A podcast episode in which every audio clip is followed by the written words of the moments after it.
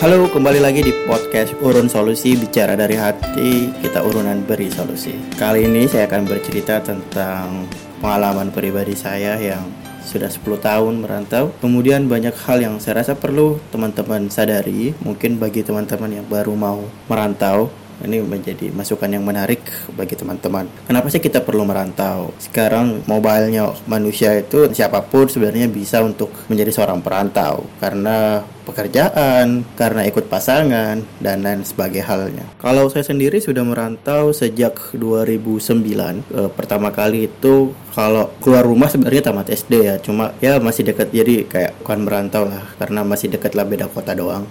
Tapi 2009 itu saya meninggalkan Sulawesi terus pindah ke Jombang, Jawa Timur. Masa remaja dan dewasa awal saya itu banyak dihabiskan di, Jawa Timur ya yaitu Jombang, Malang sebelum akhirnya pindah di Jakarta sampai saat ini. Banyak hal yang saya pelajari, termasuk saya belajar value-value hidup di kota-kota yang saya datangi, bagaimana cara bergaulan dan banyak hal yang bisa kita sharingkan. Mungkin saya mencatat ada beberapa hal yang akan kita bicarakan. Yang pertama tentang saya menjadi sosok yang mudah memahami perbedaan, mudah mentoleransi suatu perbedaan ya karena dari merantau. Barangkali bisa jadi poin pertama bahwa merantau membuat kita mudah beradaptasi dan penuh rasa toleransi terhadap perbedaan.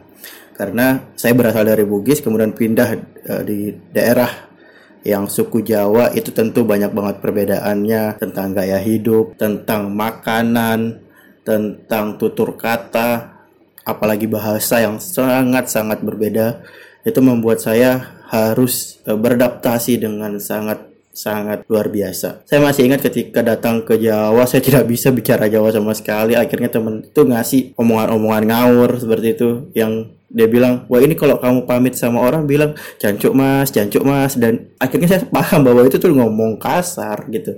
Tapi saya nggak pernah tahu itu. Tapi kemudian merantau membuat saya memahami banyak bahasa yang kota-kota yang saya datangi. Seperti Malang punya bahasa walak wali Jombang punya bahasa Jawa Timur yang lebih erat ke Surabaya seperti itu. Selain itu pun saya lebih bisa beradaptasi dari mana? Misalnya sebelum datang ke Jawa saya sangat gak suka namanya tempe. Apalagi ikannya itu ikan lele mujair gurame. Saya maaf saya nggak makan itu. Karena di Sulawesi saya terbiasa makan dengan ikan segar. Ikan segar dalam artian ikan laut. Tapi datang ke Jawa itu membuat saya harus memakan itu. Dan ya akhirnya mau nggak mau adanya itu ya. Dan kemudian membuat saya tidak pilih-pilih makan lagi. Makanan apa pun cocok lah ya makanan manis daerah-daerah Jogja saya udah bisa makan daerah di sini yang lebih gurih. Uh, terserah makannya apa selama itu masih dalam artian halal dan sehat saya masih akan mungkin makan. Dan tentu saja sesuai selera saya ya. Akhirnya saya menjadi orang yang mudah beradaptasi dengan lingkungan sekitar saya. Selain dari segi makan mungkin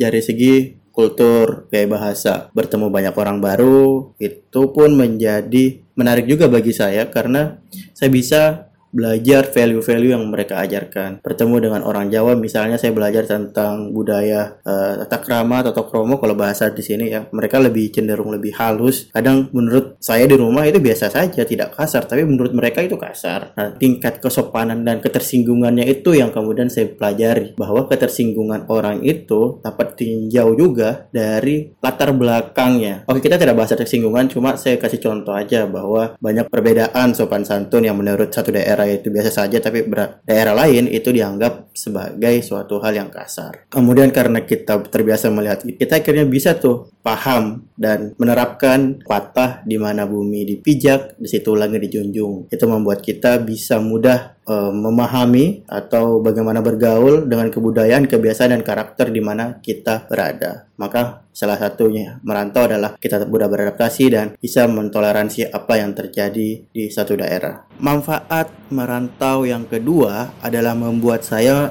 menjadi lebih mandiri. Jujur saya sebagai anak bungsu itu terbiasa juga ya di kayak lebih diperhatikan. Maklum saya cuma dua bersaudara dan saya anak bungsu, kakak saya sama juga merantau ketika tamat SD. Akhirnya saya menjadi anak satu-satunya, sempat menjadi anak satu-satunya tanda kutip ya di rumah. Jadi saya lebih agak ya agak mendapat perlakuan istimewa lah sebagai anak bungsu juga. Tetapi merantau kemudian membuat saya hanya mengandalkan diri saya sendiri. Kalau biasanya kalau saya lapar sisa, ah, minta makan di rumah atau apa aja yang ada di atas meja. Atau misalnya ketika saya baju saya kotor sisa nyimpan aja nanti dicucikan. Menjadi perantau itu membuat kebiasaan itu hilang. Saya hanya bisa mengandalkan diri saya sendiri. Kalau lapar saya harus ke warung, kalau nggak warung saya masak, kalau nggak ada uang ya saya harus survive untuk dapat makan. Dan itu membuat saya uh, betul-betul mengandalkan diri saya sendiri, tidak tergantung sama orang lain. Terutama mungkin di masa-masa awal tinggal di tempat baru. Terutama saya pindah di Jakarta, sama sekali saya pertama hidup ngekos tuh di Jakarta karena di Malang itu walaupun merantau juga atau di Jombang saya masih ada saudara gitu. Jadi lebih ada yang diharapkan misalnya ketika sakit masih bisa menghubungin atau nggak ada duit saya bisa pinjam dulu sama saudara. Tapi kalau di sini tuh betul-betul sendiri. Dan itu ya membuat kalau nggak kerja keras,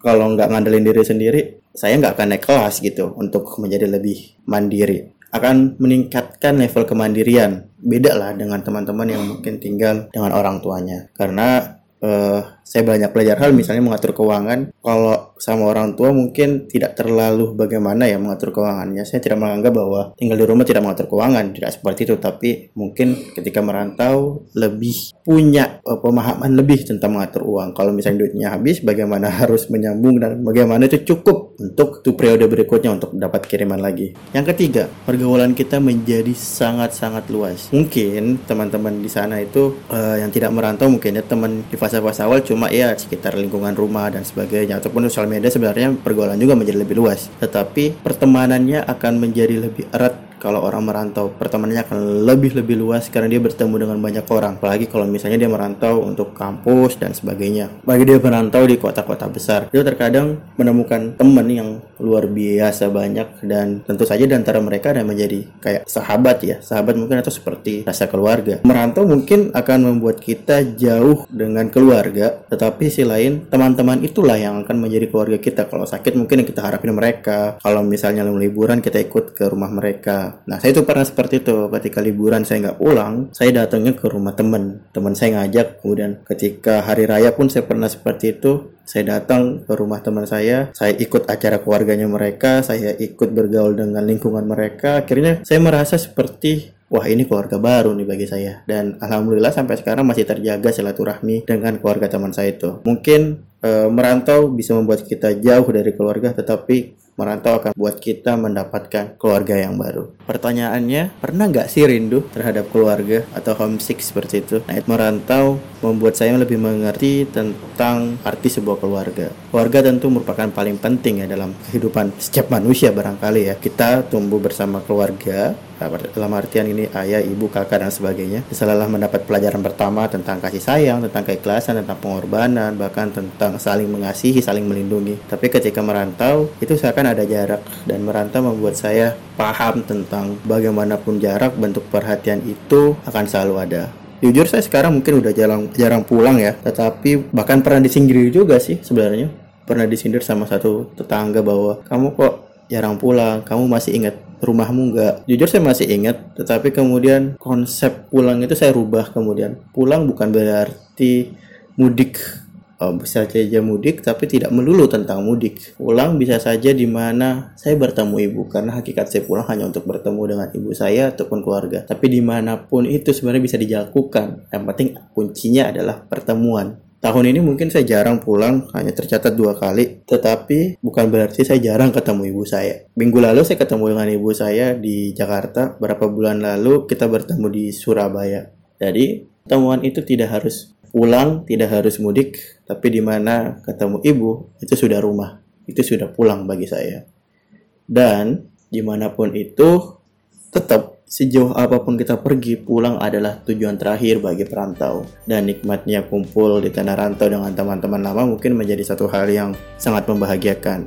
Mungkin kamu punya pengalaman merantau yang menarik, bisa hubungi saya di @saifulhaq22 lewat Instagram, DM, dan Twitter. Bisa kamu hubungi juga. Terima kasih sudah mendengarkan podcast Urun Solusi. Untuk episode kali ini, bicara dari hati, kita urunan beri solusi. Dadah!